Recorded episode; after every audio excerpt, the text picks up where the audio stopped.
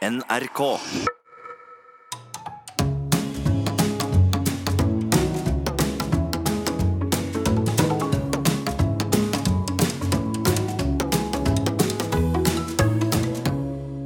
Hjertelig velkommen til Sånn er du her på P2, eller eventuelt på podkast eller stream, eller hvordan man hører det. I studio i dag har vi Nils Brenna. Ja, hei.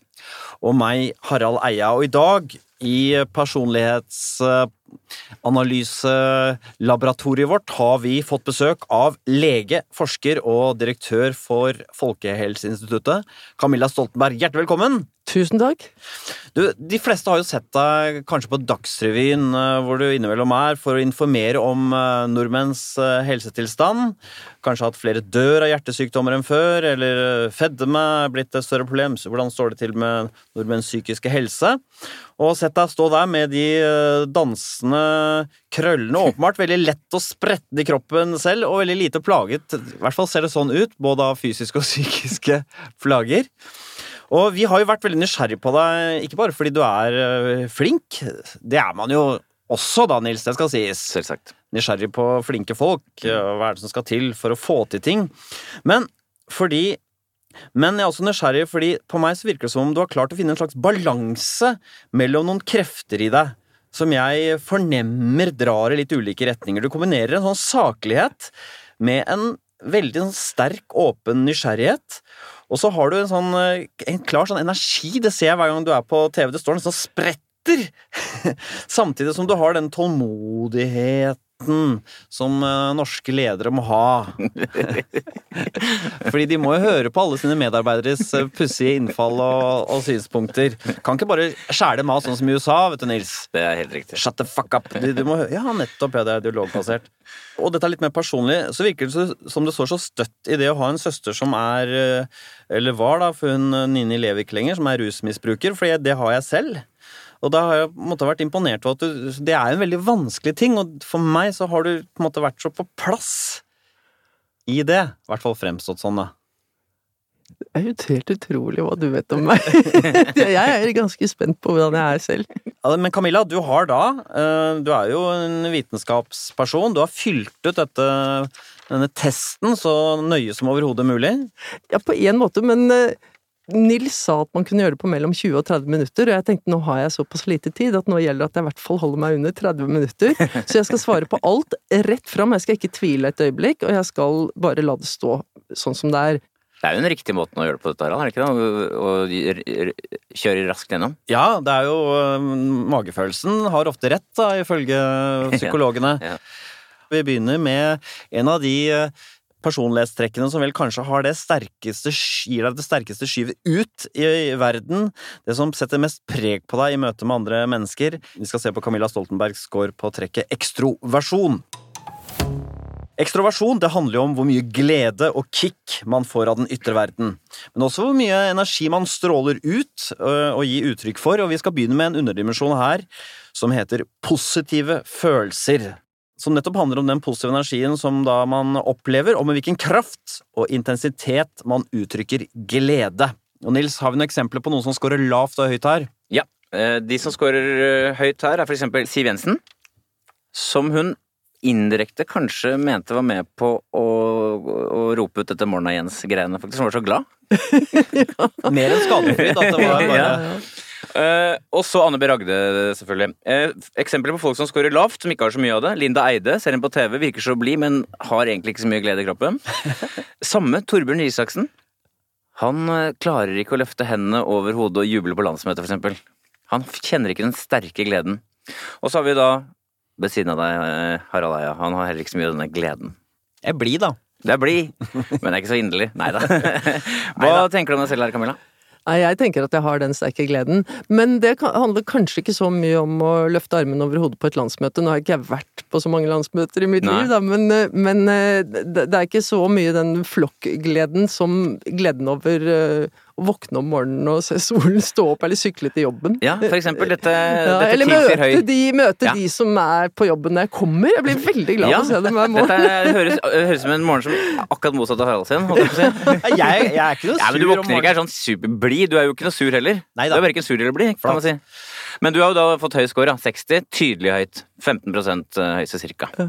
Ja, så det bekreftes. Hvor, li, hva, hvor lite skal til for at du blir glad? Kan det være veldig små ting? Ja, det kan være veldig små ting. Altså, jeg forbinder det kanskje særlig med det gå til jobben, sykle til jobben, eller fra. Eh, Men bare for å ta det sykle til jobben, bare for å ta oss gjennom, Ja. hva, er det du synes, hva er det du liker ved det? Nei, det var den fryden over at jeg er våken, at jeg er i live. Ja, jeg, du at tenker ikke, sånn? Ja, jeg tenker helt konkret. sånn? Jeg tenker sånn at det ikke er krig. Ja, Det er veldig, jeg er glad hver dag fordi det ikke er krig. er det sant? Du Ja, det er ikke, jeg tuller ikke, altså. Nei. Så når folk sier sånn Vi nordmenn burde være mer takknemlige, for vi har det så godt. Så du er et eksempel på en som faktisk er veldig takknemlig Veldig. hver dag. Mm. Men det, er jo sånn, det ligger også til denne fasetten å være optimist. Er, er du det? Ja, jeg er stort sett ganske optimistisk, men, men, ikke sånn at jeg tror at alt skal gå bra med en gang. Men, men hvis jeg tenker litt langsiktig, og det gjør jeg ofte, så er jeg ganske optimistisk. Ja. Mhm. Men tenk så flott takknemlig at du tenker hver dag at det ikke er krig. Det er litt Ja. flott. Jeg mener det utspydig. Og det syns jeg høres barnslig og rart ut. Ja, men det er fint, da. Ja, det er fint. Men dette er vel noe av det jeg og en del andre har sett da, når du er på Dagsrevyen for å legge fram uh, siste nyheten om norske folks helse, så ser vi at du har det godt humør. Selv om det budskapet skal komme, kanskje er litt alvorlig. Ja, Men du har så mye godt humør i deg, og samtidig som ung hadde en ideal med å være hun stille, som satt i sofaen, kule, ikke brydde seg. Hvordan du måtte Nei, det fungerte jo aldri. Hadde du det som ideal? Ja, ja, altså det var jo da jeg var skikkelig ung, for at jeg, jeg følte at jeg var altfor framoverlent. Altså at jeg alltid hadde albuene på bordet og var rød i ansiktet og litt sånn Ivrig, men, men, ivrig, ja. men egentlig den gangen ganske sjenert. Sånn at eh, den blandingen var jo litt komplisert. Og og i hvilken alder er det da? Nei, da er sånn tenåring. Ja, ja, ja. 13, 14, 15, Ja, okay, 16. tidlig. Ja, egentlig helt, helt til jeg var ferdig med videregående. Ja. Men eh, men, men den følelsen av at det var litt slitsomt, ikke sant? at du hadde så mye lyst, så mye krefter, ville være med på ting, men ikke helt turte og ikke visste helt hvordan man skulle gjøre det på en måte uten å dumme seg ut. Da hadde jeg jo forferdelig lyst til å lene meg tilbake. eh, Og så liksom være bare kul. Og, og, det, og det Jeg tror jeg har snakket om det i et intervju, særlig men For jeg tenkte at hvis jeg begynner å røyke, Ja. så kan jeg gjøre det. For det fungerer på den måten, ikke er sant. sånn- Du, Det blir sånn laid back. det er laidback, ja. Så det gjorde du, da. Nei, jeg gjorde ikke det. Nei. Eh, Jeg, jeg, altså, jeg fikk det ikke til, er kanskje riktigere. Dels var jeg nok litt engstelig for å røyke, Mm. og, og, og dels så likte jeg likte det veldig dårlig de Var ikke noe god smak? Nei, for meg var det Det funka ikke i det hele tatt. Jeg tror aldri egentlig Jeg prøvde, altså. Gjorde det. Jeg øvde, øvde en del, men fikk, det ble aldri noe ut av det. Så er det en eh, underdimensjon under ekstroversjon som heter aktivitet. Det handler rett og slett om livstempo. Behovet behovet for å holde seg aktiv og sysselsatt. Og Scorer man lavt Man er ikke lat, akkurat, men eh, man har litt sånn jevnt, rolig tempo. Typisk eh, lavaktivitetsmenneske, Nils. Det er eh, Tore Sagen. Kan godt være ganske bedagelig, rett og slett. Er det sant? Ja. Og så er det Egil Hegerberg. Veldig sånn trenger ikke gjøre noen ting. Og så har vi Knausgård, faktisk. Kan godt uh, gå lenge og ikke gjøre noe. Ikke være sånn veldig sånn følelses- og veldig sånn sysselsatt. Ja. Og så eksempler på folk som har det motsatte. Masse piff og energi, ikke klarer å sitte helt stille, må gjøre noe hele tiden. Fredrik Skavlan. Elin Ørjasæter. Ja. Og faktisk ikke så intuitiv, kanskje, Bård Vegar Solhjell. Ja. Mm. Som da er liksom eh, travle og energiske. Holde på hjemme hele tiden med et eller annet. eh, Små prosjekter og henge opp og flikke på ting og sånn. Ja. Så hvordan er du? Er du, er du en sånn bedagelig type, eller er du, har du høyt aktivitetsnivå, Camilla? Jeg har nok ganske høyt aktivitetsnivå, ja. Det er riktig. 50 er snitt. Ja. 60 er såkalt ett standardavvik, altså 15 eh, Så du er ikke superhøy, men du er tydelig høy. Ja. Ja, Så du er på 60. Ja. Ja, Du tilhører altså den 15% av befolkningen med høyest livstempo. Det var en av de tingene hvor jeg kanskje følte at jeg kunne ha dratt til enda litt mer. For at jeg har veldig lange perioder hvor jeg er eh, veldig, veldig aktiv store deler av døgnet. Ja. Fortell hvordan det, hvordan det arter seg. Nei, det er naturlig å tenke på det nå, for nå har det vært en slik periode, eller er en slik periode. Ja, du står opp, Når er det du står opp, for eksempel? Altså, det, det varierer litt, faktisk. Men, eh, men da kommer jeg opp i et sånt turtall hvor jeg kan stå opp eksempel eh, seks om morgenen, og til og med våkne tidligere, og ofte Mm. begynne å arbeide da. Altså du deg ned ja. før du har spist frokost. Ja, og før noen andre har stått opp. Og, deilige sånn, timer. Ja, det er helt Hvor, hvor gjør du det? Det er de beste timene. Da sitter jeg hjemme. Ja. Eh, Og da gjør jeg egentlig enormt mye på noen få timer, og det er, er helt klar i hodet. Så hvis jeg skal skrive noe sammenhengende, eksempel, så liker jeg best å gjøre det da. Ja. Og, og så til slutt så må du ha frokost, og da er det mer sånn øh, åttedraget, da, eller? Du, må- Nei, det kan, det, det kan variere veldig, for at noen ganger kanskje kan jeg, hvis det er noen i huset, så kan jeg få lyst til å vente til de står Men du bruker ikke så lang tid på å spise frokost? Nei, det går veldig det veldig. skulle jeg ikke tro. og, og hvis det ikke er noen der, så spiser jeg mens jeg jobber. Nettopp, det er det jeg mener. Så jeg vil ikke Da bare går jeg og henter meg Ja, ikke sant. Jeg vil jo tro at du bruker kortere tid på å spise frokost enn Tore Sagen gjør. Ja. Altså, nå liker jeg veldig godt lange frokoster. Ja ja, men, men ikke til hverdags. Nei. Nettopp. Men altså i helgene, er du ute på tur? Er du fikse på ting? Er det høyt og lavt? Jeg, jeg jobber veldig mye i helgene òg. Ja, ja, det gjør det. Veldig, veldig mye i helgene òg, og, og går på tur. Og gjerne Altså, det jeg liker aller best, det er veldig lange turer. Men det er jo ikke det er Men du går på tur av lyst, ikke av plikt. Nei, det er av lyst. Ikke sant? Ja, ja, ja. Det føles naturlig Ja, for deg det bare er bare skritt ut i skogen. si. Iblant når jeg hører deg bli intervjuet, så, og du snakker med noen, så tenker jeg her sitter en, en smart dame og er tålmodig, for den andre bruker litt lang tid på å komme til poenget. Er du sånn, eh, er, Har du den høye pulsen at Å, kom igjen, kan du ikke bli ferdig Nei, snart? nei, nei, egentlig ikke. Altså, det, det kan hende det òg, men jeg kan bruke veldig lang tid på å komme til poenget selv. Fordi at jeg kan være så opptatt av alle de tingene som Ja, men da er det masse informasjon du får med. Poenget. Ja, men Da tar du masse Ja, ja, informasjon. ja. Ja. Men hva hvis det bare går sakte? Nei, det, nei det, det, det kan jeg tåle godt. Så er, Jeg, jeg liker jo forskjellige typer mennesker, sånn Ja. at eh, Nei, det, det så du har en tålmodighet på det? er ikke bare noe, det er ikke noe Nei, du har øvd deg på? nei, jeg har faktisk en stor tålmodighet. Og så- vil jeg ikke kalle det For tålmodighet er jo noe man har fordi man anstrenger seg litt Ja, for det. Men, men det er mer en nysgjerrighet på altså, en slags sånn Hvem er den personen, og hvorfor, øh, hvorfor skal budskapet fram på den måten? Er hvis Ja. det vedkommende ikke sier er så presis, så er det andre ting du finner interessant, Ja. nemlig måten ordlegger seg ja, på. ja, ja. Er det interessant òg. ja. Mm. Det jeg har en veldig utålmodighet på, men det jeg føler jeg er mer nesten fysisk, det er at jeg må få gjort noe eller beveget meg. Jeg kan ikke bli sittende om morgenen. Stille nettopp. lenge. Da, blir jeg, da føler jeg meg som et vrak. Ja, og alt går Alt er helt håpløst, og dagen er sløst bort Ja. og sånn, og da, det skal ikke mye til, altså. Hvordan ville det vært å bare bli sittende? Nei, det hadde vært helt forferdelig. ja, men det Eh, er, da- da- det er dette. Og da, hvis jeg, hvis, jeg- hvis jeg ikke kommer i gang og skal ut og bevege meg fysisk og sånn, så, så kan det bli ganske vanskelig å ha med å gjøre. Det er interessant, fordi Ja. Are Kalve, bare, han er lav her sånn, han, han sa at han av og til bare setter seg på en stol og blir sittende der hjemme. Ja, ja, ja, Det er ikke det. Nei. Var det greit for deg å være småbarnsmor? Den, hekt, den hektiske perioden der, den håndterte du ganske Ja, godt? Ja. det var gøy. Det var ikke sånn nå, det var ikke sånn, nå er jeg sliten, nå er det mye å gjøre og sånn. Det var ikke på det nivået. Nei, egentlig ikke. Hva kan vi konkludere med her, Nils? Camilla Stoltenberg, er hun en introvert eller en ekstrovert type? Hun er i sum eh, touch av ekstrovert. Eh, Tallet er 55. Ligger sånn i gråsone for normalområdet, og begynnelsen er ganske høy. Eh, Du er da på snitt på det som heter sosiabilitet. Det vil si at du lett kan være sammen med andre, men du kan også ganske lett jobbe alene og være alene. Så er du høy på aktivitet, høy på selvmarkering og høy på positive følelser. Så er du veldig lav på det som heter spenningssøking, som er en litt sånn rar blanding av berg-og-dal-bane og skrekkfilm. Ja. Det er ikke noe behov, veldig behov du har, kanskje? Nei, men altså, berg-og-dal-bane, helt konkret, der blir jeg så kvalm at det, Ja. det Så da tenkte jeg, er dette jo berg-og-dal-bane i overført betydning? Ja, tenkte jeg, Da jeg ja. fikk det spørsmålet, så, så tenkte jeg nei, det er konkret, så da svarer jeg nei. Men liker du å bli skremt, for eksempel? Ikke så veldig godt, nei. Nei. nei. Men, men apropos eh, sånn eh, våre søstre som Ja. da har, hatt, har brukt rusmidler. Det var viktig for søsteren min. Nettopp, med- det er godt poeng. Godt og poeng. det var spennende med de gutta som sto og hang nede bak skolen der, du vet. Ja, som jeg ja. fryktet og syntes var skummelt. Syns hun var tiltrukket av. Så det at du scorer så lat på spenningssøking, vil være at du ikke har i hvert fall det skyvet inn mot dette mørke, ulovlige. Det jeg syns også var ganske interessant med de som sto der nede, de som søsteren din og søsteren min syntes var interessante. Ja, de det. Men jeg forholdt meg til det på en litt annen måte. Altså, jeg beskyttet meg selv mye mer. Ja, altså. Ikke sant? Jeg ville gjerne være der, og jeg ville gjerne være med dem, men jeg ville ikke gjøre alle de tingene de gjorde. Eh, og det er litt det, Ah, så det, også, det er, så Kanskje den røykehistorien er kanskje karakteristisk, for at jeg tror ikke jeg kjente noen på et tidspunkt, jeg som ikke røyka. Eh, og, og, og, og jeg var jo mange steder med mange mennesker, men jeg gjorde ikke alle de tingene de gjorde, med seg selv.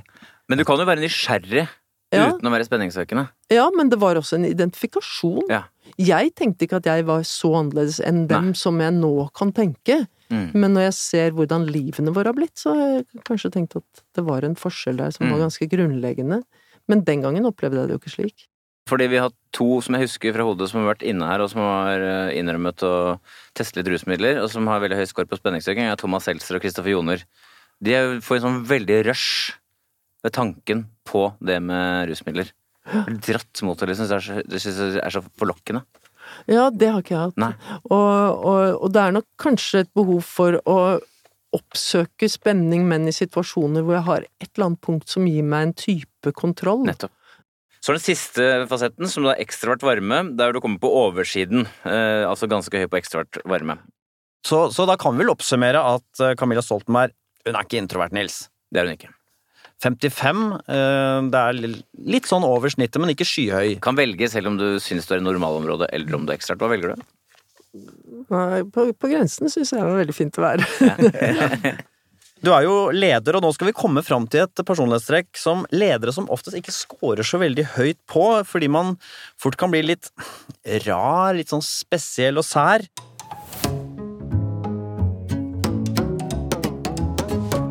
Åpenhet for erfaringer det handler altså om nysgjerrighet eh, på nye erfaringer, på ny kunnskap, men også fantasi, hvor eh, mye man blir påvirket av eh, vakker natur, skjønne kunster, men også åpenhet for følelser, og hvor glad man er i variasjon.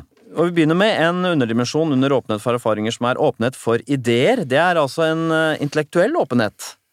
Hvor eh, spennende man syns det er med teorier. Man trenger ikke alltid eh, være opptatt av om det har noen praktiske konsekvenser, men man syns generelt det er med, at ideer er interessant. Mm. Og typisk folk som scorer høyt her, som er høy på åpenhet for ideer, er Anne Holt.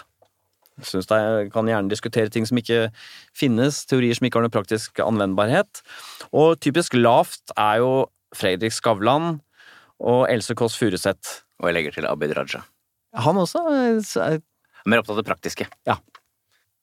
Jeg tenker at jeg er åpen for ideer. Eh, Jeg er jo interessert i eh, hvilken betydning ideene har for den virkelige verden.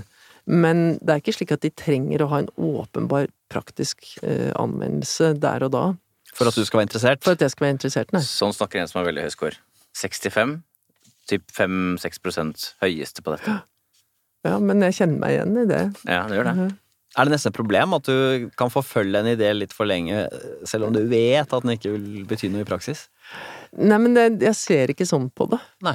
Eh, Det er mer slik at jeg tenker at eh, hvis eh, altså, mulig- Vi snakker forbi hverandre, for det fins jo ideer som er mye mer abstrakte enn de jeg klarer å forholde meg ordentlig til selv, men, men jeg blir jo veldig interessert i en del ideer, og så er det ofte slik at jeg finner en eller annen måte å mm, få dem Gi dem en betydning i den virkelige verden Har du eksempler.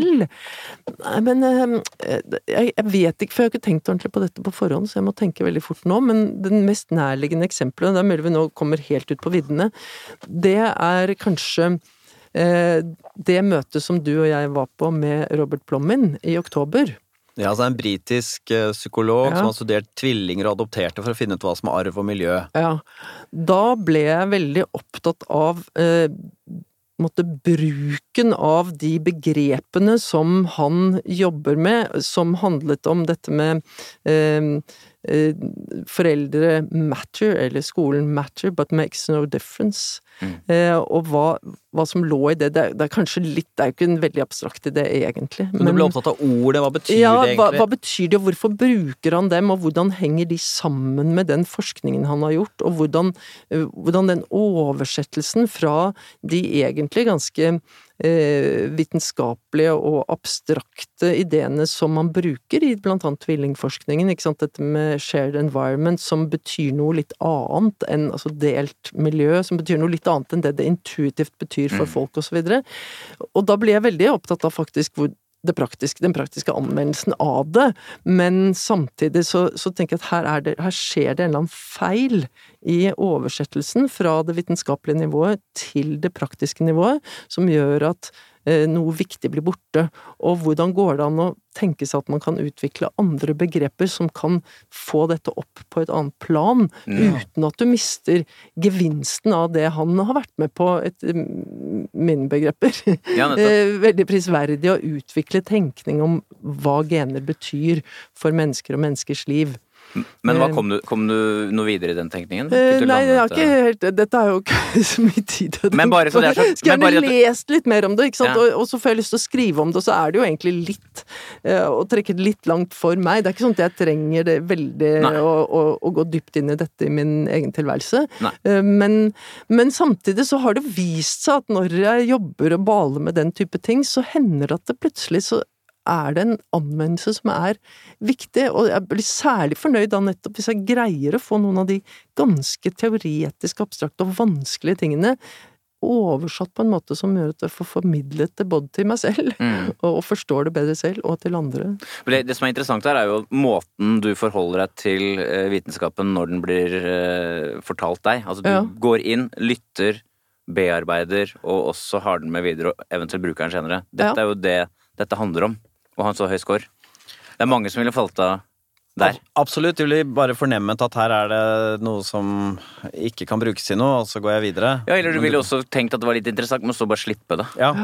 Det er al- grader av det. Det er alltid drømmen til folk som scorer høyt på åpenhet for ideer, er nettopp som du sier, Camilla, at en eller annen så tilsynelatende unyttig eh, teori, f.eks. om matematisk teori fra slutten av 1800-tallet, så viser seg å få praktisk konsekvens. Da, og helt konkret, i dataverden så har man brukt gammel matematikk som den gang ble stemplet som unyttig. Ja, og sånt syns jeg er utrolig fascinerende. Jeg kan jo ikke nok, jeg skulle gjerne kunnet enda mye mer, men jeg liker jo så godt å høre om det. Altså, så har jeg jo heldigvis folk rundt meg som forsyner meg med den type materiale og vet at jeg er interessert i det. For du er ja, Du liker å omgi deg med folk som nettopp eh, trekker inn store ideer, altså evolusjon, hjerneforskning, hit og dit. Hvordan er det for deg å snakke med noen som ikke har denne interessen? Det er akkurat like spennende. det er faktisk det, altså. For- For det er, det er jo det, det, sto, det er jo mye av grunnen til at jeg har den jobben jeg har. Eh, Det er det store spennet der jeg kan interessere meg for disse ideene. Ja. Hjerneforskning og eh, matematiske teorier fra slutten av 1800-tallet. Til eh, folk som forteller meg om eh, problemer i arbeidsmiljøet som vi må løse, og som jeg har ansvar for å, å bidra til å gjøre noe med. Og for du syns ikke da det er sånn åh, da ble jeg kalt tilbake til jorda her, det, var kjedelig. Du syns også det er spennende med arbeids, konkrete arbeidsmiljøproblemer? Ja, faktisk. Ellers ja. kan du ikke være leder hvis du ikke har evne til å engasjere deg i det å forstå hvor viktig det er for folk. Camilla Stoltenberg er jo skårer høyt på åpenhet for ideer, Nils, men hva med generelle buketten av åpenhet for erfaringer? Hvordan ligger han hun Ja, hvordan, ligger, hvordan, ligger, hvordan ligger hun an her? I sum så er du et meget åpent menneske. Tallet er 61. Tydelig åpen. Du er svært høy da på intellektuell nysgjerrighet. Så er du ganske høy på fantasi. Eh, Det kan godt sånn sveve litt over i sånn tankespinn og dagdrømmeri og la tankene fare uten å hva skal jeg si, ha noen grunn. Tullball? Ja, tullballer. Bekreftes. Ja, det kan jeg bekrefte. Og så er du da touch og høy på det som heter eh, åpenhet for handlinger. Det handler om å gjøre og prøve nye ting. Uh, så er du da på touch av høy igjen på det som heter estetikk, uh, som egentlig er kunst i ulike varianter. Og så er du på snitt på følelser. Du har følelser, men du er ikke utpreget emosjonell. Nei, jeg tror ikke det. Altså, jeg er nesten alltid interessert i, når jeg får veldig sterke følelser, som jeg jo gjør noen ganger, så er jeg veldig interessert i å tenke. Ikke Ja, sant? Og, ja. og, og prøve å, å Hva tenke kommer hva, hva ville jeg tenkt, eller hvordan skal jeg tenke om dette? Ja, sånn. For å på en måte forstå eller balansere ut følelsene og styre dem eh, i en retning, altså velge om jeg skal eh, kontrollere dem eller ta dem ned, Nettopp. eller eh, Ja. Du kan nett- tenke gjennom hvor mye du skal høre på dem. Ja. Det gir mening. Mhm. Det er jo Det- en, det er en ganske stor ressurs, egentlig, da, der, da tenker Ja. jeg. Skal man bli leder i Norge, så er det jo ikke lurt å være for eh, fantasifull, altfor høy score på åpenhet for erfaringer, men neste dimensjon, er, der bør man eh, score høyt, og dette har studier vist at norske ledere gjør. Vi skal se nærmere på Camilla Stoltenbergs score på trekket medmenneskelighet. Medmenneskelighet det handler jo om man møter folk med åpne armer eller piggene ute. Samarbeidsvilje, medfølelse, hjelpsomhet, det er det som preger de som scorer høyt på medmenneskelighet. Mens hvis man scorer lavt, så er man litt mer konfliktorientert. eh, Kanskje man eh, prioriterer egne behov fremfor andre. Og vi begynner med da denne underdimensjonen som heter tillit. I hvilken grad man stoler på andre mennesker. Oppfatter man det andre mennesker eh, gjør og sier som ekte og ærlig, eller mistror man dem litt? Så typisk eh, folk full av mistillit, Nils. Hvem er det? Det er jo da for eksempel Per Sandberg. Han, øh, han tenker at folk er ute etter å lure han. Og så har du Jon Almås som ikke har så lyst på ros, for da lurer han på hva de skal med det. Og Espen Eckbo er litt samme typen. For Eksempler på folk som har høye, høye scorer på tillit, er da eh, Liv Signe Navarsete, som var en av grunnene til at hun ble felt, egentlig. Hun skjønte ikke helt hva som foregikk i kulissene. Tenkte dette er vel ingenting, og så foregikk det mye greier. Ja, det er ingen ikke som, ingen som er ute etter deg nå. Arsete. Vi er alle er vennene dine her, ja. Ja. Og så har vi Solveig Kloppen, veldig tillitsfull, og det samme gjelder Audun Lysbakken. Er du tillitsfull? Camilla? Ja. Du er tillitsfull, Ja. det er riktig. 58. Ganske høyt. Stoler du på menneskene? ja, jeg gjør det. På hvilken måte? Altså, det har eh, Min erfaring er at folk, eh, også når de gjør ganske ville ting og er sinte, eh, gjør sitt beste. Ja. Nå mener jeg ikke at ikke det er noen som kan være smarte og slu og, og ha andre agendaer og sånn, men, men stort sett så er det ikke det som driver folk. Nei. Men du må jo møte en del mennesker eh, som søker makt. Eh, det finnes jo for eksempel en del politikere som åpenbart eh, ikke sant? De kanskje taler litt med to tunger. Du har vel vært borti Ja, ja, ja, ja. Altså, ja, det har jeg absolutt, men, men jeg har en grunnleggende tillit til andre mennesker jeg møter. ja. Og den har vist seg å holde vann også, den tilliten? Ja, egentlig så, så, så har det vist seg at det å forstå andre og hva som foregår, selv når det opplagt foregår en del spill med et utgangspunkt i tillit, til at de har en grunn, at de vil noe eh, bra i grunnen med det, det kommer jeg mye lenger med når jeg skal forstå hva som skjer. Eh, og så kan det være folk tar i bruk midler som ikke sant, som ikke er bra, eh, og, som, og som skaper mistillit. Men det er noe litt annet. Er det sånn at man kan merke eh, i, i ulike land at det er Ja. på litt sånn generelt nivå? Ja. Kan du beskrive det? Det? Hvordan det kan oppleves?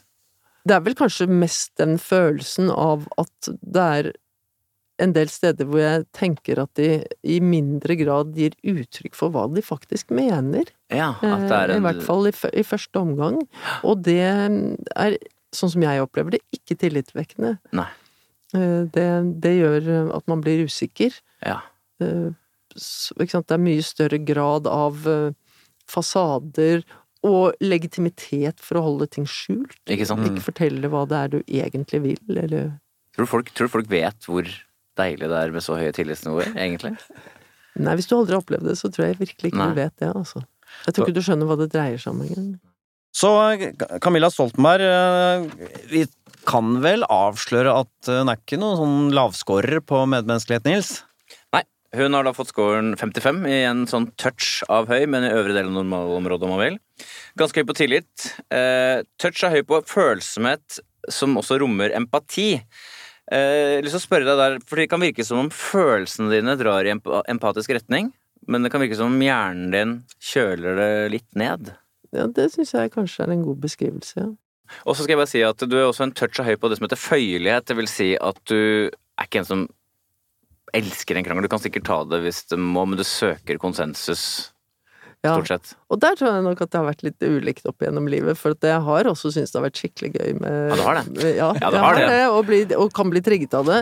Men, eh, men eh, i avveiningen mellom alt det ubehaget det skaper, og hvor utrolig dårlig det funker i forhold til andre mennesker, særlig når man er leder, så har jeg liksom Det var eh, interessant, fordi mistet det lite grann. Ja, Akkurat det den, ledelsesjobben. fryden- Ja, akkurat der. Den fryden ved å Polert ned den være krangle... uenig og være i opposisjon er, er litt borte. Ja, men noen, noen syns det er ubehagelig å ta en friksjon. Det syns egentlig ikke du, da. Nei, det syns ikke det. Men det kan være det.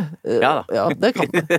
Men, eh, men, eh, men Du er ikke skremt av det på et sånt sånne psykologisk plan? Skikkelige diskusjoner hvor man blir veldig uenig og sånn, det er jeg ikke noe skremt av i det hele tatt. Og jeg er, veldig, jeg er veldig tiltrukket av folk som er uenige med meg. Ja, ja, det er det. Det, og jeg liker det. Og, Det er ikke noe ubehagelig når folk sier sånn Det er helt uenig. Nei, det syns jeg er gøy. Ja, det syns det? Ja, det ja. jeg er gøy. Er det noen som tør å si det til deg lenger, eller? Ja, ja, og jeg oppmuntrer det, og jeg blir veldig glad når folk gjør det. Ja, det gjør det. Men det er ikke egentlig sånn, det må ikke være en Jeg liker ikke så godt at krangler blir veldig personlige, det liker jeg ikke. Men jeg Nei. liker sånne utfordringer, ja. Folk Ja. som er uenige med Men sier du det til folk rundt deg? Ja. Er gjerne uenig? Ja, jeg sier det. Ja, det liker jeg jo egentlig. Ja, for det ofte så Ja, og jeg er veldig opptatt av hvordan man nettopp kan dyrke ulike synspunkter og få mm, utviklet seg ved å, å få fram ulike Ja, synspunkter. har du noen Både- tips? holdt jeg på å si? Nei, altså i Folkehelseinstituttet så er det jo veldig mange ulike syn på ting, og det er jo mange kontroversielle synspunkter, og jeg er opptatt av at de skal få komme fram både i instituttet, men ikke minst gi dem støtte til å uttrykke seg offentlig, også når jeg er uenig Ja. med dem. Ja. Det mener jeg er en stor styrke, og at det er mye viktigere å få det ut, sånn at det er synlig hva som er de faglige uenighetene eh, der ute. Og hvilke diskusjoner som foregår innad. Og så kan eh, vi som ledelse si ja, men selv om noen hos oss er kritiske til eh, oppdrettsfisk, så, så støtter vi oss på de rådene som Vitenskapskomiteen for mat og miljø har gitt. Ja. Men, men jeg, jeg, jeg tror at verden beveger seg framover gjennom den type Ja, uenighet. Og det, ja. overraskende ofte så har noen av de som er mest kontroversielle i begynnelsen, noen veldig viktige poenger, og er de som driver feltet framover, og noen ganger har de helt rett. Ja. For beskjedenhet, der er du helt på snitt. Verken spesielt selvutslettende eller spesielt selvgod, for å si det enkelt. Nei, men jeg syns egentlig det er fint å gjøre, jeg. Ja.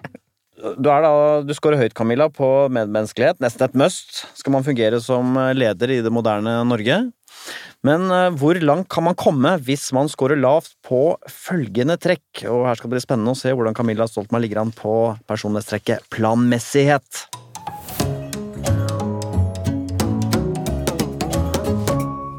Planmessighet det handler jo om viljen og drivkraften til å prestere for å oppnå sine mål. Og vi begynner her med den underdimensjonen som heter prestasjonsstreben. I hvilken grad man drives av sine egne prestasjoner, og man da setter seg ambisiøse mål, og at det er det som er mye av drivkraften her. Og de som er typisk uh, uambisiøse, Nils, det er jo Steinar og Tore Sagen. Det er riktig. De er helt fornøyd med å ikke komme seg så mye fremover, hvis det er det mer. Og så har vi da uh, Torbjørn Isaksen, som påstår at han er veldig lite ambisiøs. Ja, Han har ikke noe drøm om å bli statsminister eller uh... Nei, han sier så. Vi er litt i tvil om det, men det er nå den scoren vi har fått, da. Så har vi da Hege Storhaug, faktisk, som er veldig lite ambisiøs. Hun har vel sagt at hvis hun først får løst den eh, islamproblematikken, så kan han egentlig bare slappe av. Eh, på høye, som er høye er Siv Jensen. Han Ørstavik, forfatteren. Ekstremt ambisiøs. Det samme gjelder skuespiller Andal Torp. Sikter fremover, vil fremover, setter seg mål og gjennomfører.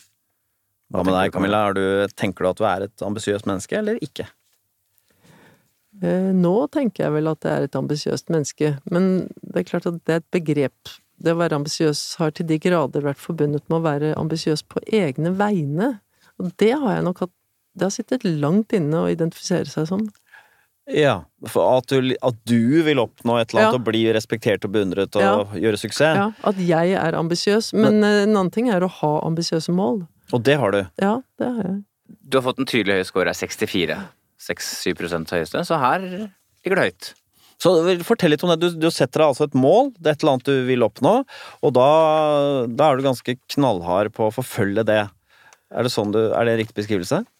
Ja, det er en riktig beskrivelse, men jeg har satt meg mål som jeg ikke tror er mulig å nå. Jeg har satt meg mål som jeg eh, er ute etter å måtte bevege meg i retning mot. Eh, og så har jeg nok et veldig behov for å mm, ha høyere mål over de konkrete målene jeg jobber med. Altså å se eh, små, trivielle ting som jeg driver med til daglig, som ledd i å bevege seg mot noe veldig stort og langsiktig ambisiøst, som jeg kanskje aldri kommer til å oppleve i min levetid engang. For eksempel at eh, gjennomsnittlig leveralder i Norge går opp til 100 år, så er ja, dette et lite ja, ja, ja, ja. Eh, Kanskje viktigere mål for meg er nok eh, at det ikke er så stor sosial ulikhet i levealderen. Eh, Ja. Et veldig vanskelig mål å nå, og ikke noen mål som jeg alene kan nå, men veldig motiverende mål. Og det, i det ligger det at for eksempel folk som tjener lite, eller Eller har lav utdanning, eller lever kortere av andre grunner ikke har helt de samme mulighetene til å, å få det til i samfunnet, eh, ikke også skal rammes av sykdommer og Og dø tidligere. Men det som er litt sentralt her, er at du faktisk setter deg sånne mål. Det ligger jo til å ha en høy Ja. her. Ja. For det Ja. finnes jo folk som ikke gjør det. Ja, og så er jeg ute etter da å prøve å identifisere et eller annet bidrag, og det kan være ganske puslete og trivielt, og noen ganger litt teknisk, Eh, men, men jeg motiveres av at det er det som Ja. er målet. Men kan du ikke si litt om det? Hvordan er det du kommer fram til å sette deg mål? Hvordan jeg kommer fram til det? Er det en trang du har? Er det en tenkt ting? Jeg vet ikke, det er, jeg tror det er en måte å, å tenke på tilværelsen på som uh, Har du alltid gjort det? Ganske langt tilbake, tror jeg. ja. Ifølge vår test da, så vil folk som scorer så høyt som deg, Camilla, eh, oppleve at arbeidet tar overhånd. Noe som går utover familie, fritid, venner og eget velvære. Ja, det kan det absolutt gjøre. På den annen side, så, så på sitt beste, så er det jo utrolig gøy, da. Men hvor, men, men, men er du en slags Altså, hvor mye jobber du? Eh, mye. Hvor er mye? Eh, Du har regna på det. ja, det Er det over 60 timer i uka? Ja. Men, er, men, okay, så, men det det handler om, da, at du kommer jo inn i en sånn type um, modus hvor du lett kan jobbe Ja. hele tida, egentlig. Ja. Er du nøye med søvn, eller? Ja, altså jeg er veldig glad i å sove, da. Så jeg, Men, sover du da? Nei, i perioder sover jeg nok litt lite. Så, Hva er det, fire timer? Ja, men det er litt for lite for meg. Og det var lite, ja. Ja, men det tåler jeg ikke egentlig noe særlig. Men seks timer tåler du? Ja, seks timer tåler Det jeg. tror jeg ikke du er, altså. Nei. Nei, men det deiligste er å sove lenger, da. Eh, Da blir jeg jo veldig godt humør. Altså det, det, så da er problemet at da blir jeg så godt humør at da har jeg veldig mye energi, så da sover jeg litt lite igjen. Og Ja, ok. Oh, ja, så den Men Hvis du er 100% uthvilt, så er du så full av piff at det blir for ja, mye? ja. Øh, ja, for jeg, jeg, jeg Faren til en venninne av meg jobba toppbyråkrat. Han jobba fast Jeg sov fire timer hver natt på hverdager, og så sov han tolv timer hver natt helgene. Å ja, han hadde sånn kontroll på det. Nei, det er så god kontroll på det med hvor lenge jeg sover, det har ikke jeg, altså. Denne høye planmessigheten i tospann med denne intellektuelle nysgjerrigheten, det er jo en bra kombinasjon for å jobbe mye. For det er spennende, og det er gøy, og du har satt deg et mål, og da, det er ganske bra motor. vil Ja, jeg det er det. Ja. Så de, dine lykkeligste stunder er ofte foran tastaturet. Ja, ja, det er, det er veldig fine stunder. Jeg har jo veldig lykkelige stunder med, med familien min og med venner og ute på tur og Men det kan ikke måle seg med det! Nei, men det er vekslingen, da. Ja, det er altså, det er jo kanskje det er jeg opptatt av, at det skal være litt mer veksling. Altså, jeg husker jeg likte veldig godt å studere medisin, for da hadde vi eksamen tre ganger i året. Og det var ofte nok man skjerpet seg veldig og hadde disse voldsomme arbeidsøktene, ikke sant. Men så var det en roligere periode etterpå. Så problemet nå er at jeg har en type arbeidssituasjon hvor du har liksom ikke de rolige periodene. Nei. Men det var jo noen ferier, altså. Camilla Stoltenberg, Nils. eh, En, eh, hun er vel ikke en surrete, lite planmessig rotekopp, akkurat. Nei, men samtidig litt interessant at du faktisk da bare er på snitt når det gjelder planmessighet. Det er bare denne høye skolen på prestasjonsstreben som fanger det ambisiøse, som trekker deg eh, oppover. Og tallet til Camilla på planmessighet er 51. Du er på gjennomsnitt på orden, gjennomsnitt på plikttroskap, gjennomsnitt på selvdisiplin, på kompetanse og betenksomhet. Du har bare én høy, og det er prestasjonsreben. Hva tenker du selv? Jeg tenker at det kanskje er litt feil. Ja. og jeg vet ikke helt hvorfor det ble sånn. Nei. Men, eh, men eh, nei, det vet jeg ikke helt. Ja, Fordi du har mer orden i navnsiktsmennesket. Du Men kanskje ikke så opptatt av å vaske og rydde og sånn? Jeg vet ikke. Jeg aner ikke. Mm, nei Eh, Jeg er ganske opptatt av å ha eh, orden rundt meg, men ikke noe Du kan si jeg har eh, mange rundt meg som er mye mer planmessige, så jeg tror det er relativt sett til omgivelser hvor veldig mange er veldig planmessige. Ja. Eh, Mens jeg, hvis jeg ser meg litt videre om, nok er ganske mye mer Det, det er jeg litt overrasket over. Jeg er enig, jeg tror skåren skal være høyere her. Ja, og- men samtidig, da, bare for å ta det. Hvis Ja. du holder på, har en morsom jobb, Ja. og er veldig retningsdrevet, så Mm. trenger du ikke ha så kjempehøy selvdisiplin. Fordi selvdisiplin handler om å gjøre kjedelige ting. Ja, altså det, det, det er jeg helt enig i. Så akkurat det med selvdisiplin er jeg kanskje ikke så overrasket over. Selv om jeg har jo en form for selvdisiplin, men, men den er veldig mye knyttet til at jeg vil noe. Mm, Ikke sant? mm, Og da mm. gjør jeg det. Men, eh, men ikke så mye på at liksom er eh, veldig presise systemer for akkurat hvordan jeg skal gjøre det. Og så tror jeg jeg tåler en del kaos. For eksempel så tåler jeg da å ikke rydde så mye, ha litt uorden rundt meg fordi at jeg prioriterer Du Det er ikke noe. Nei, det kan være veldig pertentlig med visse type ting, for Ja. noe språk og sånn. Ja, ja, jo, jo. Men ikke, ikke sånn at det er veldig ryddig rundt meg til Så du er pertentlig på språket? Ja, det, ja, jeg har vent meg til å ikke være det alltid, men det Hva er det du er mest opptatt av for tida? Språklig. Eh, språklig? Ja. Um, jeg er jo veldig opptatt av at det ikke skal være for kronglete språk, da. Det, Ja. det er jo Det skal ikke så mye til før det blir det. Nei. Jeg husker jeg var i en sammenheng hvor noen ga deg komplimenter fordi du holdt et foredrag, og da sa vedkommende at det var en nytelse å høre på deg, fordi man kunne skrive ned hver setning du sa, eh, og så ville det allikevel eh, være en eh, fullkommen tekst. For de fleste av oss snakker jo ikke på den måten, og så sa du Da var moren og faren din til stede, begge levde da, så sa du og det har jeg fra mamma. Så bekreftet hun det, men da sa faren din, Torvald, jeg vet ikke om det alltid er så lurt å snakke sånne perfekte setninger. Sa han det? Det er en veldig morsom og beskrivende historie.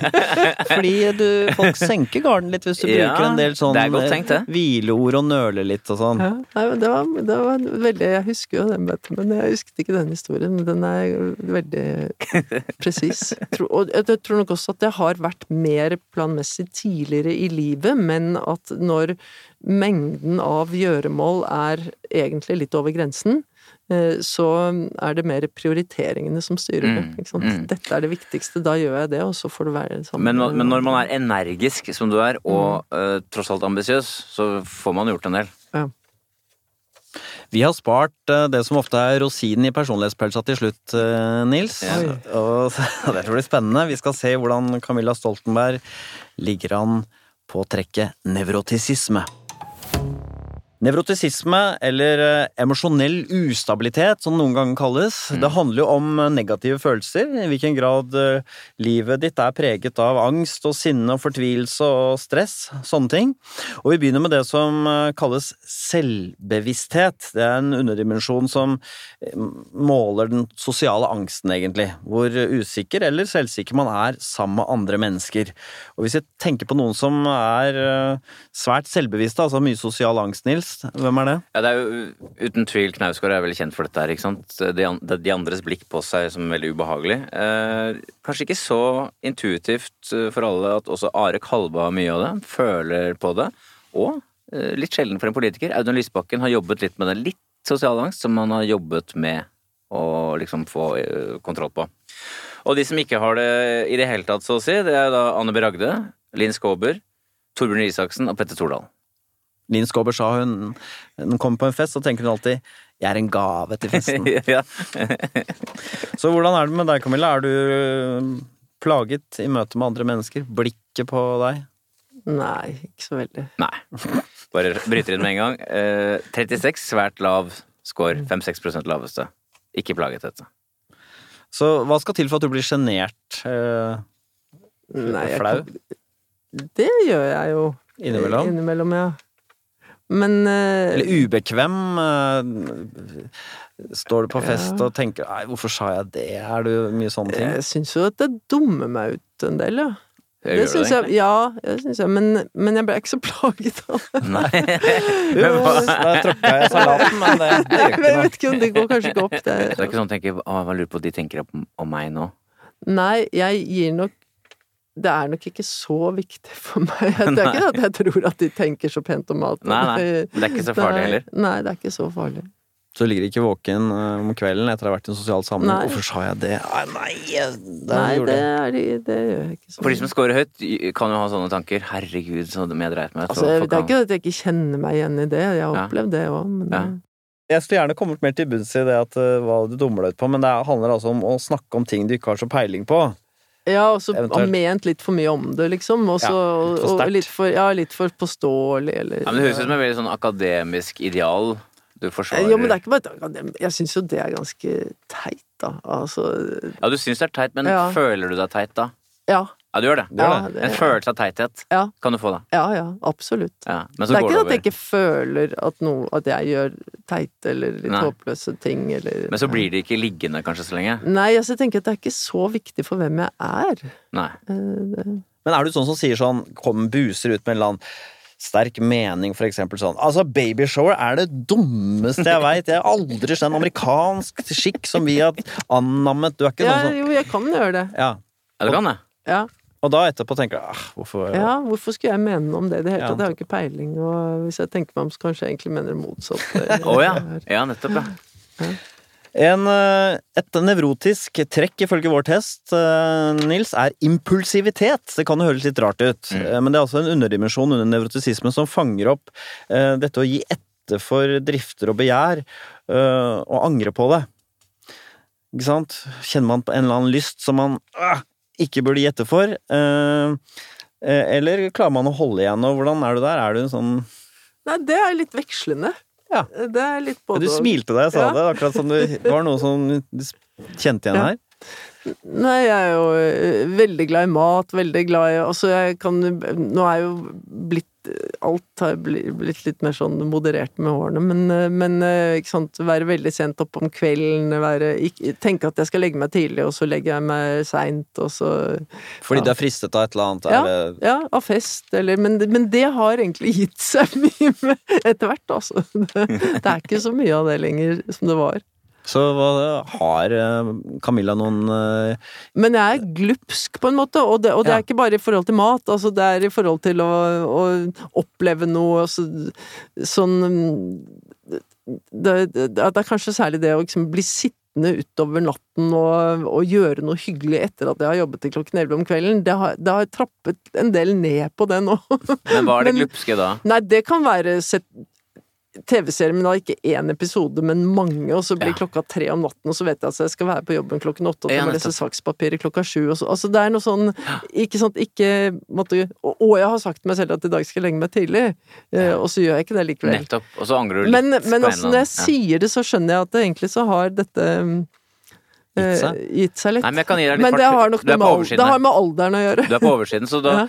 Et ganske høye tallet 57 har du fått, Ja. så betyr jo at du kommer eh, fra oversiden, da. Ja. Eh, men du har det fortsatt i deg, da. For Ja, ja, sånn. ja, det har det. Så det betyr at du ligner mer på Else Kåss Furuseth enn Pernille Sørensen. Ja. Else Kåss Furuseth er typisk sånn styrter ned og kjøper noe øh, sjokolade rett før øh, butikken stenger og sånn. Det gjør ikke jeg. Altså, sånn, det, alt er relativt her. Det er, det er på en måte eh, jeg, jeg føler nok at jeg har noen sånne krefter i meg som kunne vært veldig sterke, men det er så mye omgivelsene som regulerer det. Når du skal være våken og opplagt på jobben morgenen etter, så, så det gir, gir seg, liksom. Du må legge deg, men du blir sittende også, den Ja. andre kraften. At du blir sittende sånn at- lenger enn du tenkte. Ja. Så du kan, hvor, men jeg kan kjenne meg litt i den der sitte, hvis du får dilla på en TV-serie. Ja. Du sa det jo, men hvor, hvor lenge oppe kan du sitte da? Du skal opp, du vet, du skal opp klokka sju. Nei, altså, som sagt, nå, nå har jeg tatt litt kontroll på dette. For at eh, Nei, det er veldig lenge. Ja, Eh, tre-fire. Ja. Ja, det er ganske sånn Det er vilt Ja, men, i men, men ikke sant, når jeg forteller deg det nå Hvis jeg hadde fortalt dette for kanskje jeg vet ikke helt akkurat, For det, det har gått litt gradvis og litt opp og ned. Så hvis jeg hadde sagt for to-tre år siden, så, så ville det vært betegnende for hvordan hverdagen er. Nå er jeg mye, blitt mye strengere. For jeg må. Det, det, er ikke, det har ikke skjedd før. du har altså gjort det har ikke skjedd eh, før jeg ble tvunget til det. for- for Men si samtidig har sånn. du holdt på med det til det var slutten av 50-årene. Ja, ja, sånn. ja. ja. Hvordan, Og jeg har det i meg! Altså, det er ikke sånn. Sånn når du er god middagsmat og sånn, da. Er, eh, klarer du å holde igjen? Å, jeg er veldig glad i mat. Ja, det? ja. Ja, men, eh, Det er kanskje det som jeg syns er vanskeligst å kontrollere det. av de tingene vi har Ja. nevnt nå. Virkelig god mat, liksom. Ja. Og så er det jo, ikke sant, det er jo mer en slags um, Den impulsiviteten er en slags side ved meg som jeg tenker kunne sikkert tatt overhånd under andre Ja. omstendigheter, men med det livet jeg har skaffet meg, så blir det veldig regulert, og Ja. blir mye lettere for meg å regulere det også. Men er det Men det er, sånn, en, det er noe jeg har i meg, tenker men er det sånn da, noen har jo sånn at de strammer seg opp på hverdager, Ja. og så slipper de det i helgene, fordi da dyrker de litt den der eh, fråtsingen. Og så Altså, jeg tror jeg har prøvd alle varianter, egentlig. Ja, så det er, det er litt. Men nå har Men jeg har jo bare hverdager, hun jobber jo hele tiden. Ja, ikke sant? Nå har jeg egentlig kommet til at uh, Nå er jeg over 60 år, nå gjelder det å stramme seg sånn noenlunde Ja, okay. opp, men på en, på en litt behagelig måte. Så, men du belønner, det er ikke sånn at du belønner deg litt? Jo, litt, så. Eh, ja. Kjøper du potetgull. Nei, jeg nei, det er mer sånn Jeg er jo veldig glad i sunn mat. Ja. Så det er jo det er ment å spise mye. Ja, Så mye ja. kål. så. Var det mye torsk, liksom? Ja, mye torsk. Jeg er kjempeglad i torsk. Spis Ja, litt, det det. mye, litt for mye torsk. Har, har du før de angret mye på at du har vært for impulsiv? At du, har- Nei, egentlig ikke, for jeg har hatt veldig mye glede av det. Og Ja. det har jo ikke vært ikke sant? Jeg har jo gjort alt jeg skal. Jeg har jo ikke, det er ikke sånn at jeg ikke har gått på jobben. Jeg tror aldri jeg har vært borte fra jobben, for eksempel. Har du ikke?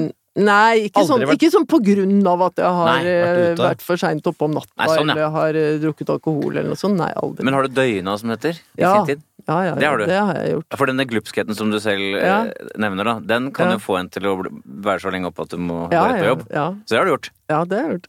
Begynner å bli en stund siden, da. Det, saken var jo at jeg tålte jo veldig Ja. mange sånne ting. Altså, jeg har Ja, ja. egentlig tålt det ganske Men da har du også den Men jeg lysten til å holde tåler ikke lenger. eh, Ja. så- ja. Mm. Det er jo et veldig bra ord du nevnte selv. Hva var det? Glupsk. Glupsk, ja. ja. Så glupskheten må holdes Ja. litt sånn Det må Ja. modereres, den òg. Ja, den må det. Men det har blitt mye lettere å gjøre. da. Ja, for det regulerer seg av seg på grunn av alder, eller på grunn av situasjonen? På, jeg tror begge deler. Ja. På, på grunn av alder, ikke minst.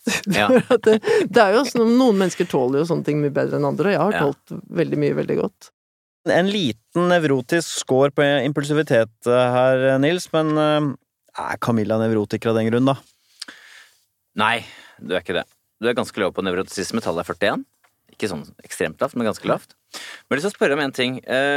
Det som, den fasetten som heter depresjon, der er du toucha lav, bare så det er sagt. Men det er én ting der som bare kikka litt på, som, hvor du har svart at du kan ha en følelse av skyld eller synd. Ja, Hva kan du si noe om det? det er kanskje mm, Det er kanskje lettest, for det har jeg snakket om før også, å, å tenke på um, søsteren min, som jo kunne være veldig sint på meg, eh, og mm, Og det er, det er klart at det er en del ting som Jeg tenker at jeg tenkte at jeg skulle hjelpe henne, ikke sant? At jeg skulle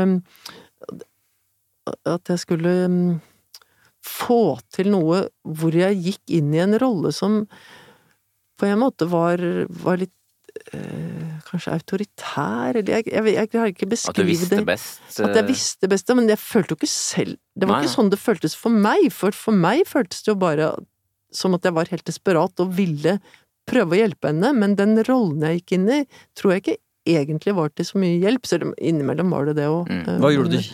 Kjeftet på henne? Oppfordret henne til å leve på en annen måte? Ja, eller forklarte henne, liksom, Ja. Ja. hva hun skulle gjøre. Og derfor ble hun sint på deg? Var det det Ja, hun kunne jo bli veldig sint for det, og hun kunne jo også bli veldig takknemlig for det, så Ja. det, det vekslet jo litt, da. Men hva kalte hun det? Besserwisser og sånn? Var det litt sånne, Ja, sånne ting? ikke sant? Uh, ja. Ja. Prektig var hun Ja, sånn. Prektig, ja. prektig og mm, og det, det er kanskje en sånn følelse av at, eh, at, jeg, at Men det er jo ikke at jeg vet hva alternativet ville vært, men det er en sånn følelse av at jeg gjorde ting som Jeg vil ikke kalle det overgrep, men altså det er en sånn De var i hvert fall ikke til hjelp.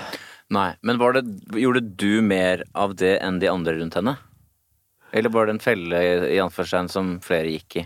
Jeg tror sikkert at det var flere som gikk i den fellen, men jeg gjorde det sikkert mer fordi jeg var storesøster. Ja. Eh, Men som sagt, jeg vet jo ikke hva alternativet skulle vært. Nei. Så, men det er en sånn følelse av som har, har oppført seg på en måte som, som er mektig, men ikke hjelper i det hele tatt. Og det er jo ikke bra. Mm, jeg forstår det. Det at du er så unevrotisk, Camilla, må jo ha vært en fordel når øh, du har opplevd sånne tunge ting i livet, da. Sånn som Ninnis bortgang og sånn. At man står mer i det da. Mm.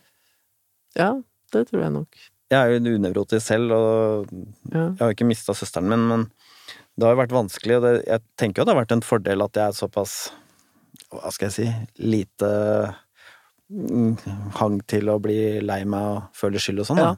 Ja. Mm. Ja, det er riktig, men det er jo ikke sånn at jeg ikke har Jeg blir, jeg blir jo lei meg, men jeg blir jo ikke, jeg blir jo ikke så lett eh, deprimert, eller jeg blir ikke deprimert eller knekt over lengre tid. Man kan være lei seg likevel. Men, Ja, ja, eh, ja, man er jo et menneske. men, eh, men skyld Ja, jeg føler jo Føler jo skyld, men ikke, ikke sånn at det heller knekker meg. Det er mer Det er en refleksjon over Altså, det å skjønne mer hva man gjør, og hvilke roller man går inn i overfor andre mennesker. Hvilke konsekvenser det man gjør overfor andre mennesker, har. Men kan jeg spørre, det er litt rart spørsmål kanskje, men er, sitter skylden i hodet eller i kroppen? Nei, det er ikke noe rart spørsmål i det hele tatt. Nei. Nei, det er begge deler. Ja. Det er øh, Så det er ja, Fordi at det er jo sånn at jeg ville kanskje ikke opplevd den skylden så sterkt hvis jeg ikke hadde tenkt gjennom det. Men, men det ser veldig annerledes ut når jeg ser de langsiktige konsekvensene av hvordan ting har blitt. Mm. Så den skylden er ikke så diffus for deg, egentlig? For du Nei, har tenkt noe sånn nøye gjennom det? Ja. Vi har nå gått gjennom eh, fem personlighetsdimensjoner, Camilla. Du har eh, vært beundringsverdig eh, sannhetssøkende og ærlig i jakten på hvem du er. Nå skal vi prøve å oppsummere, trekke sammen trådene. Her er fasiten om hvem Camilla Stoltenberg er.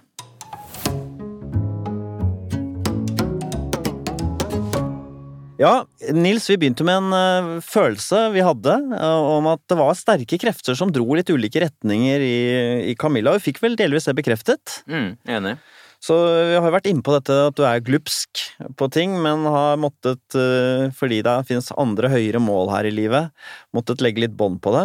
Også denne tendensen til tankeflukt, alt det gode humøret ditt, tullsansen din for tull, som også eh, har en høyere herre, nemlig å gjøre det som godt er for det norske folk. Så det virker som du har, eh, til tross for disse sterke kreftene, så har du oppnådd en balanse i livet, og alt hjelper jo når du ikke er nevrotisk i tillegg, da. Eh, er det noe du skulle ha forandret på? Er det, sånn, er det plagsomt med disse kreftene som drar i ulike retninger, eller? Nei, jeg liker det. Ja. ja for det er ikke, selv om du er ikke kontrollert, men selv om du er moderert, så er du ikke flatt. Nei, jeg opplever det ikke sånn selv, i Nei, hvert fall. Det det var for andre dømme om, men eh, hvordan det er utad. Men selv opplever jeg det ikke sånn i det hele tatt. Tvert imot så opplever jeg at jeg har fått mulighet til å spille på veldig store registre Mm. eh, i livet, og at det er en fin ting. Tusen takk for at du kom hit, Camilla. Veldig hyggelig å bli kjent med deg. Takk til dere. Det er hyggelig å bli litt bedre kjent med seg selv òg.